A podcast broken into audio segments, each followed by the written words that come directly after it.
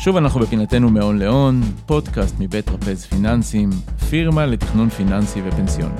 אני חזי כהן, ואנחנו כאן כדי להבין טוב יותר את החיים שלנו כצרכנים פיננסיים נבונים. בשיחות פתוחות עם מומחים על השקעות בשוק ההון, פיתוחים, פנסיה וכל מה שמערב כסף בחיים הפיננסיים שלנו.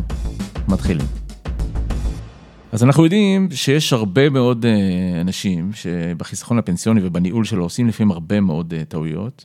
בשביל לדבר על אחת הטעויות היותר משמעותיות, הזמנתי חבר יקר, תומר שלו. אהלן. מנהל הידע המקצועי בקבוצת מיטב, שתמיד כיף לארח אותך, תומר. תודה רבה. הפודקאסטים הכי משעשעים ש...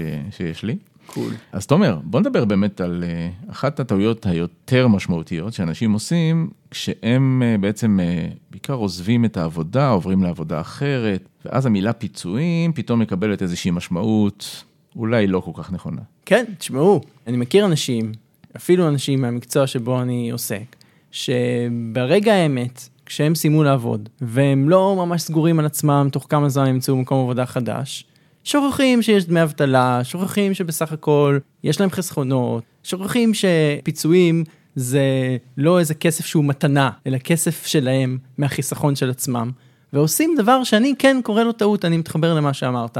באים ופודים את כספי הפיצויים. עכשיו, יש אלה שיגידו, רגע, אני פודה כספי פיצויים בפטור ממס שניתן לי על ידי המדינה. מי שלא מכיר, יש חוק בישראל שנקרא חוק פיצויי פיטורין, שקובע שיש לך פטור ממס עד תקרה מסוימת, כפול מספר שנות הוותק בעבודה, שאתה יכול לקחת את הכסף הזה בכלל בלי לשלם עליו מס. מה התקרה, רק תומר? התקרה היא או המשכורת שלך, ולא יותר מ-12,640 שקלים על כל שנת עבודה. אז רגע, יכול מאוד להיות שהמאזינים שלנו קצת לא כך מודעים לזה, שבעצם הפיצויים, ההפרשות לפיצויים של המעסיק, בכלל נמצאות בתוך קרן הפנסיה. Hmm, זו נקודה יפה, כי הפיצויים בעבר היו מתחבאים בכל מיני תוכניות, היום כבר אין אותן. פעם למשל, המעסיק היה מפריש אותם לקופה מרכזית לפיצויים, שזה משהו שרשום על השם המעסיק בכלל, והעובד לא היה רואה אותו. או שהפיצויים היו משולמים במלואם או ברובם בכלל במזומן, ואז זה לא היה חלק מהצבירות של העובד. אבל מאז שיצא צו הרחבה לביטוח פנסיוני מקיף במשק, תראו איזה אורך יש לצו הזה, יצא ב-2008. או בשם הקצר שלו? פנסיה חובה. זה אוקיי. השם הקצר שלו. והצו הזה בעצם אמר שהם חייבים להפריש גם לרכיב פיצויים. מאותו רגע ואילך, למעשה, בקרנות פנסיה, ביטוחי המנהלים וקופות הגמל, הולך ומצטבר לו רכיב הפיצויים שמנוכה מתלוש השכר, אבל זה על חשבון המעביד כמובן, זה לא יורד לך מהנטו. אבל הוא מקבל חיווי בתלוש השכר, ואתה רואה בדיוק כמה מפרישים לך כל חודש. והדבר הזה, תאמינו או לא, מהווה בערך שליש מהכסף שצבור לכם בחיסכון הפנסיוני. וזאת למה? כי החלק של העובד הוא בדרך כלל עד 6 עד 7 אחוזים מהשכר, החלק של המעסיק הוא עד 7.5 אחוזים מהשכר, ושימו לב, חלק הפיצויים הוא עד 8 ושליש מהשכר. כלומר, מי שמסתכל היום על קרן פנסיה, ורואה שם 100 אלף שקלים, אמור לראות שם סדר גודל של כ-33 אלף שקלים מתוך העסק הזה, כספי פיצויים, זה סכום לא מבוטל. אז בוא נגיד ככה, נניח שאני עבדתי באיזושהי עבודה, היה לי שכר של בערך 20 אלף שקל, זה אומר שבערך הסכום לפיצויים הוא 20 אלף שקל כל שנה שהופקד לתוך החיסכון הפנסיוני. נכון. ואחרי חמש שנים החלטתי שאני עוזב, בוא נתעלם שנייה מתשואות וכולי, אז בערך יש 100 אלף שקל, שיש הרבה מאוד אנשים שחושבים שזה פשוט מתנה. לגמרי. שהם עכשיו הולכים ולוקחים אותם.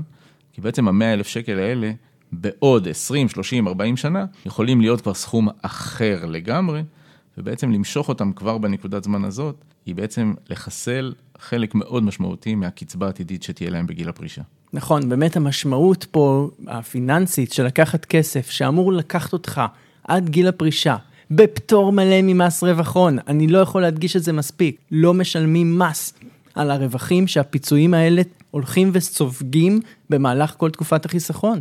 והמשמעות היא שכשאתה מוציא את הפיצויים האלה, גם אם תלך ותשקיע אותם לבד בבורסה, בוא נגיד שאפילו לא תצרוך אותם, הרווחים שתעשה לבד ינוכה מהם 25%. אם היית משאיר אותם ולוקח אותם בעתיד כפנסיה, או מושך אותם בעתיד בדרך כזו או אחרת, היית נהנה מהטבה של פטור ממס או דחיית מס על החלק החייב במס על כל השנים האלה. אבל הדרך שלדעתי הכי נכון להסתכל על הפיצויים האלה, זה לא בתור איזה סוג של תוכנית חיסכון באמת, אלא חזי, זה כסף שצריך לשרת אותך כחלק מהקצבה. היום בישראל הרבה מהפורשים מגיעים למצב שכשהם יוצאים לפנסיה, אתה יודע מה היחס התחלופה מה האחוז של הקצבה מתוך השכר? בערך 60-70 אחוז, לפעמים אפילו פחות, כי זה עובדים מבוגרים שהתחילו להפקיד להם בגיל יחסית מבוגר, בגלל שפנסיה חובה התחילה פה רק ב-2008. ומי שמשך את הפיצויים האלה, הקטין לעצמו את הפנסיה אפילו עוד יותר, בעד 30 אחוזים סדר גודל. לכן משיכת פיצויים היא קודם כל נזק פיננסי שאתם עושים לעצמכם. מעבר לזה, יש עוד קאץ' שעליו אנחנו נדבר מיד, וזה בדרך שבה אתם יכולים לפגוע בזכויות שלכם כפנסיונרים. אתה יודע שכל אחד מאיתנו כשהוא פורש לפנסיה, יש לו חבילת הטבות לפנסיונר, שהשם המקצועי שלה אמנם נקרא יתרת הון פטורה, אבל במילים פשוטות זה פשוט פטור ממס לפנסיונרים על הקצבה. תגיד לנו מה הסכום של הפטור הזה? אז הפטור הזה, כשמסתכלים עליו ככסף, מסתכלים עליו כסדר גודל של עד 810 אלף שקלים השנה, ב-2025 אגב זה יעבור את המיליון שקלים, שמיועדים לניצול או כקצבה, אם נחלק את זה ב-180 זה בערך 4,000 שקל יוצא, סדר גודל, כן, אם אני מסתכל כבר על המיליון שקל, אה, או כהיוון קצבה, כלומר לקחת את הכסף בסכום חד פעמי. אבל בואו נתמקד בשימוש הקלאסי, שיהיה לנו קל למאזינים. מי שלוקח את הכסף הזה כקצבה, נהנה מפטור ממס על הקצבה שלו, עד כ-4,000 ומשהו שקלים, בעוד שמי שבא ומשך כספי פיצויים לאורך הדרך, לא רק שיהיה לו פחות קצבה כי יש פחות כסף לחשב עליו קצבה, אלא קורה פה עוד משהו. מופעלת עליו סנקציה. אני לא יכול שלא לקרוא לזה סנקציה, כי זה מה שזה. מקטינים לו את הפטור ממס שלו בפרישה, עד למצב שהפטור שלו יכול להצטמצם לפטור של 1,400 שקלים בלבד של קצבה פטורה ממס, שזה סוג של פרס תנחומים, גם אם משכת פיצויים פטורים בסכומים מטורפים. הדבר הזה, אם תחפשו אותו בגוגל, נקרא נוסחת הקיזוז של מס הכנסה. תאמינו לי, זה נשמע נורא וזה אכן נורא ואתם לא רוצים לפגוש את המושג הזה על בשרכם ועל קרן הפנסיה שלכם. לכן משיכת פיצויים פטורים היא בעצם דרך לוותר על פטור ממס בקצבה וליהנות מפטור על הפיצויים כאן ועכשיו. יש שיגידו, אז מה זה משנה, תומר? או שאני אנצל את הפטור על הפיצויים, או שאני אנצל פטור על הקצבה. אז אני בחרתי לנצל פטור, פטור על הפיצויים, ה big deal? ובכן, אני לא יודע איך לספר לכם את זה, אבל אנשים חיים הרבה מאוד שנים. וככל שאתה חי יותר שנים, חזי, אתה יודע מה המשמעות של הנזק שאתה עושה לעצמך בזה שאתה משלם כל חודש שאתה ממשיך לחיות יותר מס על הקצבה שלך? זה מטורף. אז בעצם אנחנו, מעצם, נקרא לזה, אני לא יודע איך אפילו לתאר את זה, האמוציה של יאללה בוא נוציא את הכסף, בלי לחשוב שנייה על העתיד, שזה גם טעות שאנשים אה, עושים, פשוט לא יודעים לדמיין את איך הם ייראו בגיל 60. אני תמיד אומר ללקוחות שלי, שימו את עצמכם שנייה בעיניים ותפגשו את עצמכם בגיל 60. לגמרי. מה אתם מספרים לעצמכם? איזה טעויות עשיתם בדרך? האם הייתם יכולים להימנע מהטעויות האלה? ולבוא ולחסוך אה, נכון בחיסכון הפנסיוני ולא לעשות טעויות מהסוג הזה, זה בעצם למצוא את עצמך בגיל 60, בגיל 70, וכמובן ככל שתוחלת החיים גם אה, הולכת וגדלה, עוד הרבה מאוד שנים אחר כך, עם הרבה יותר הכנסות, ובעצם עם רמת חיים שהיא, רמת חיים שבעצם חלמת עליה.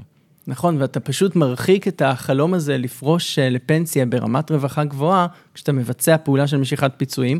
ושוב, זה לא רק בגלל שאתה לוקח את הכסף עכשיו במקום לצרוך אותו בעתיד ומאבד את התשואה. זה גם בגלל שאתה למעשה מקטין לעצמך הטבות מיסוי, ששוות מאות אלפים של שקלים, ככל שתחיה יותר, אתה נהנה מהם יותר, ולא, אי אפשר להוריש אותן אגב לדור הבא, אם מישהו מכם כבר מתחיל לחשוב בכיוון הזה. הטבות המיסוי לפנסיונר הם רק, אך ורק, לניצול על ידי הפנסיונר בעודו בחיים. מעולה. אז בעצם כל השיחה הזאת היא סוג של טיפ אחד גדול. נכון. אבל אנחנו בכל זאת תמיד מסיימים את הפודקאסט שלנו עם טיפ זהב. אז מה טיפ הזהב שלך למאזינים? מי שבכל זאת החליט שאת הפיצויים שלו, הוא לא מתכוון למשוך כל פעם שהוא מחליף עבודות. חשוב מאוד שיבחר עבורם מסלול השקעה שמשקף טווח השקעה ארוך. אתם יודעים, בטווח הארוך, מסלולים שיש להם חשיפה מנתית גבוהה, וירוצו איתכם עם פטור ממס רווחי הון, יביאו אתכם לקצבה גבוהה משמעותית, לעומת מסלולים כמו המסלול הצ'יליאני המפורסם של בני 50 עד 60, או בני 50 ומטה. לכו על מסלולים שמשקפים את העובדה שלא אכפת לכם שהכסף לא נזיל, כי הוא באמת, מבחינתכם, כסף לגיל פרישה, ואתם לא צריכים לפחד מתנודתיות שוק ההון, כי בטווחים הארוכים הסיכון הזה הולך ומצטמצם. טיפ מצוין, אה, תומר.